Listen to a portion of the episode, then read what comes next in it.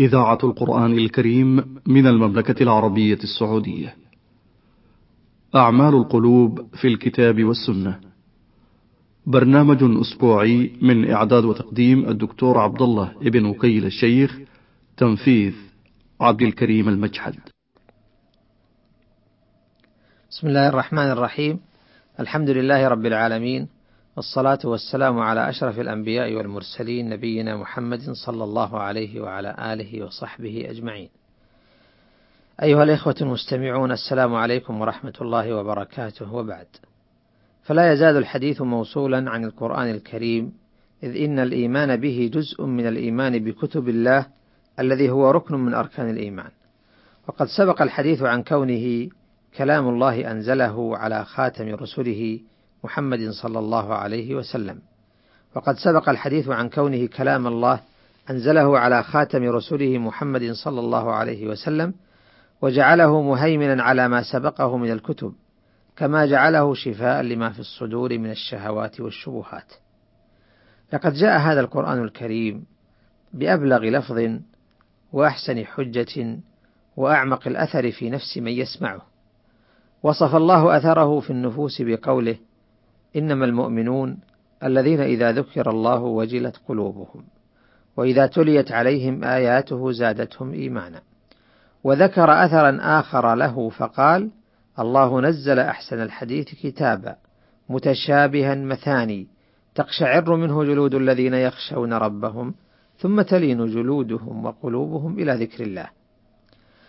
قدم وفد النجاشي على رسول الله صلى الله عليه وسلم فقرأ عليهم سورة ياسين فبكوا وأسلموا. وقالوا ما أشبه هذا بما كان ينزل على عيسى؟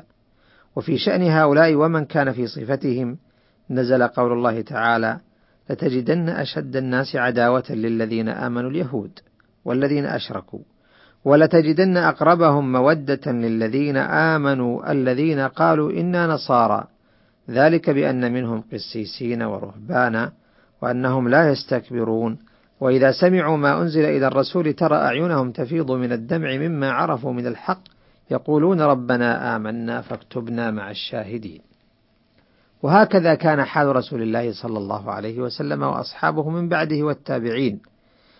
والتابعين لهم بإحسان قشعريرة في الجلود ووجل في القلوب ودموع من العيون قال عز من قائل إن الذين أوتوا العلم من قبله إذا يتلى عليهم يخرون للأذقان سجدا ويقولون سبحان ربنا إن كان وعد ربنا لمفعولا ويخرون للأذقان يبكون ويزيدهم خشوعا. وذكر الله عز وجل في سورة مريم جماعة من الأنبياء عيسى وإبراهيم وموسى وهارون وإسماعيل وإدريس ثم قال تعالى أولئك الذين أنعم الله عليهم من النبيين من ذرية آدم وممن حملنا مع نوح ومن ذرية إبراهيم وإسرائيل وممن هدينا واجتبينا إذا تتلى عليهم آيات الرحمن خروا سجدا وبكيا. وقد كان صلوات الله وسلامه عليه. إذا صلى سمع لصدره أزيز كأزيز المرجل من البكاء. وقال صلوات الله وسلامه عليه لعبد الله بن مسعود اقرأ علي. قلت أقرأ عليك وعليك أنزل. قال إني أحب أن أسمعه من غيري. فقرأت عليه سورة النساء حتى بلغت فكيف إذا جئنا من كل أمة بشهيد وجئنا بك على هؤلاء شهيدا قال أمسك فإذا عيناه تذرفان. أخرجه مسلم. قال القرطبي رحمة الله عليه قال العلماء يجب على يجب على القارئ إحضار قلبه والتفكر عند قراءته لأنه يقرأ خطاب الله الذي خاطب به عباده. فمن قرأه ولم يتفكر فيه وهو أهل أن يدركه بالتذكر والتفكر كان كمن لم يقرأه ولم يصل إلى غرض القراءة من قراءته فإن القرآن يشتمل على آيات مختلفة الحقوق. فإذا ترك التفكر والتدبر فيما قرأ استوت الآيات كلها عنده فلم يرع لواحدة منها حقها. وقد قال الله تعالى كتاب أنزلناه إليك مبارك ليدبروا آياته وليتذكر أولو الألباب. وقال أفلا يتدبرون القرآن أم على قلوب أقفالها؟ انتهى كلامه رحمه الله. قلت قد جاء الحظ على التدبر في القرآن الكريم لإدراك الحق الذي فيه ومعرفة الباطل الذي في سواه. قال تعالى أفلا يتدبرون القرآن ولو كان من عند غير الله لوجدوا فيه اختلافا كثيرا. وجاء الحظ على التدبر لفك, لفك الأقفال التي على القلوب لتتسع وتنشرح لهداية القرآن. أفلا يتدبرون القرآن أم على قلوب أقفالها؟ وجاء التبكيت والذم لمن أعرض عن التدبر حتى حاق بهم العذاب. وانظر إلى هذه المقابلة بين فريق المتدبرين وفريق الغافلين. هذه المقابلة جاءت في سورة المؤمنون.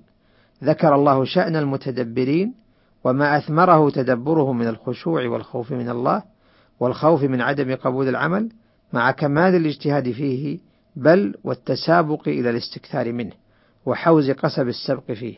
ذكر الله شأن هؤلاء في قوله إن الذين هم من خشية ربهم مشفقون والذين هم بآيات ربهم يؤمنون والذين هم بربهم لا يشركون والذين يؤتون ما آتوا وقلوبهم وجلة أنهم إلى ربهم راجعون أولئك يسارعون في الخيرات وهم لها سابقون.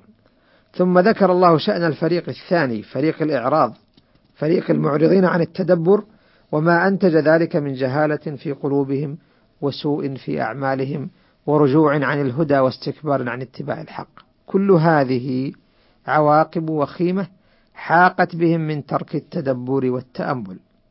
قال الله عز وجل بل قلوبهم في غمرة من هذا ولهم أعمال من دون ذلك هم لها عاملون حتى إذا أخذنا مترفيهم بالعذاب إذا هم يجأرون لا تجأروا اليوم إنكم منا لا تنصرون. قد كانت آياتي تتلى عليكم فكنتم على أعقابكم تنكصون مستكبرين به سامرا تهجرون أفلم يدبروا القول أم جاءهم ما لم يأت آباءهم الأولين.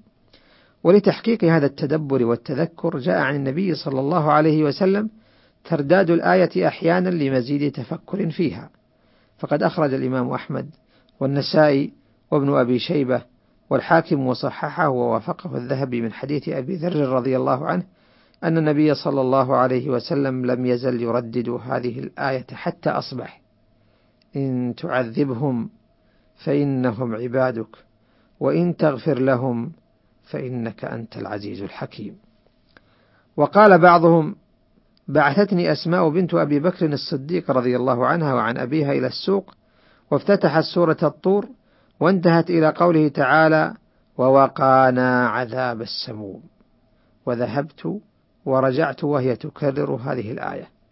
وقال القاسم بن محمد رأيت سعيد بن جبير قام ليلة يصلي فقرأ واتقوا يوما ترجعون فيه إلى الله.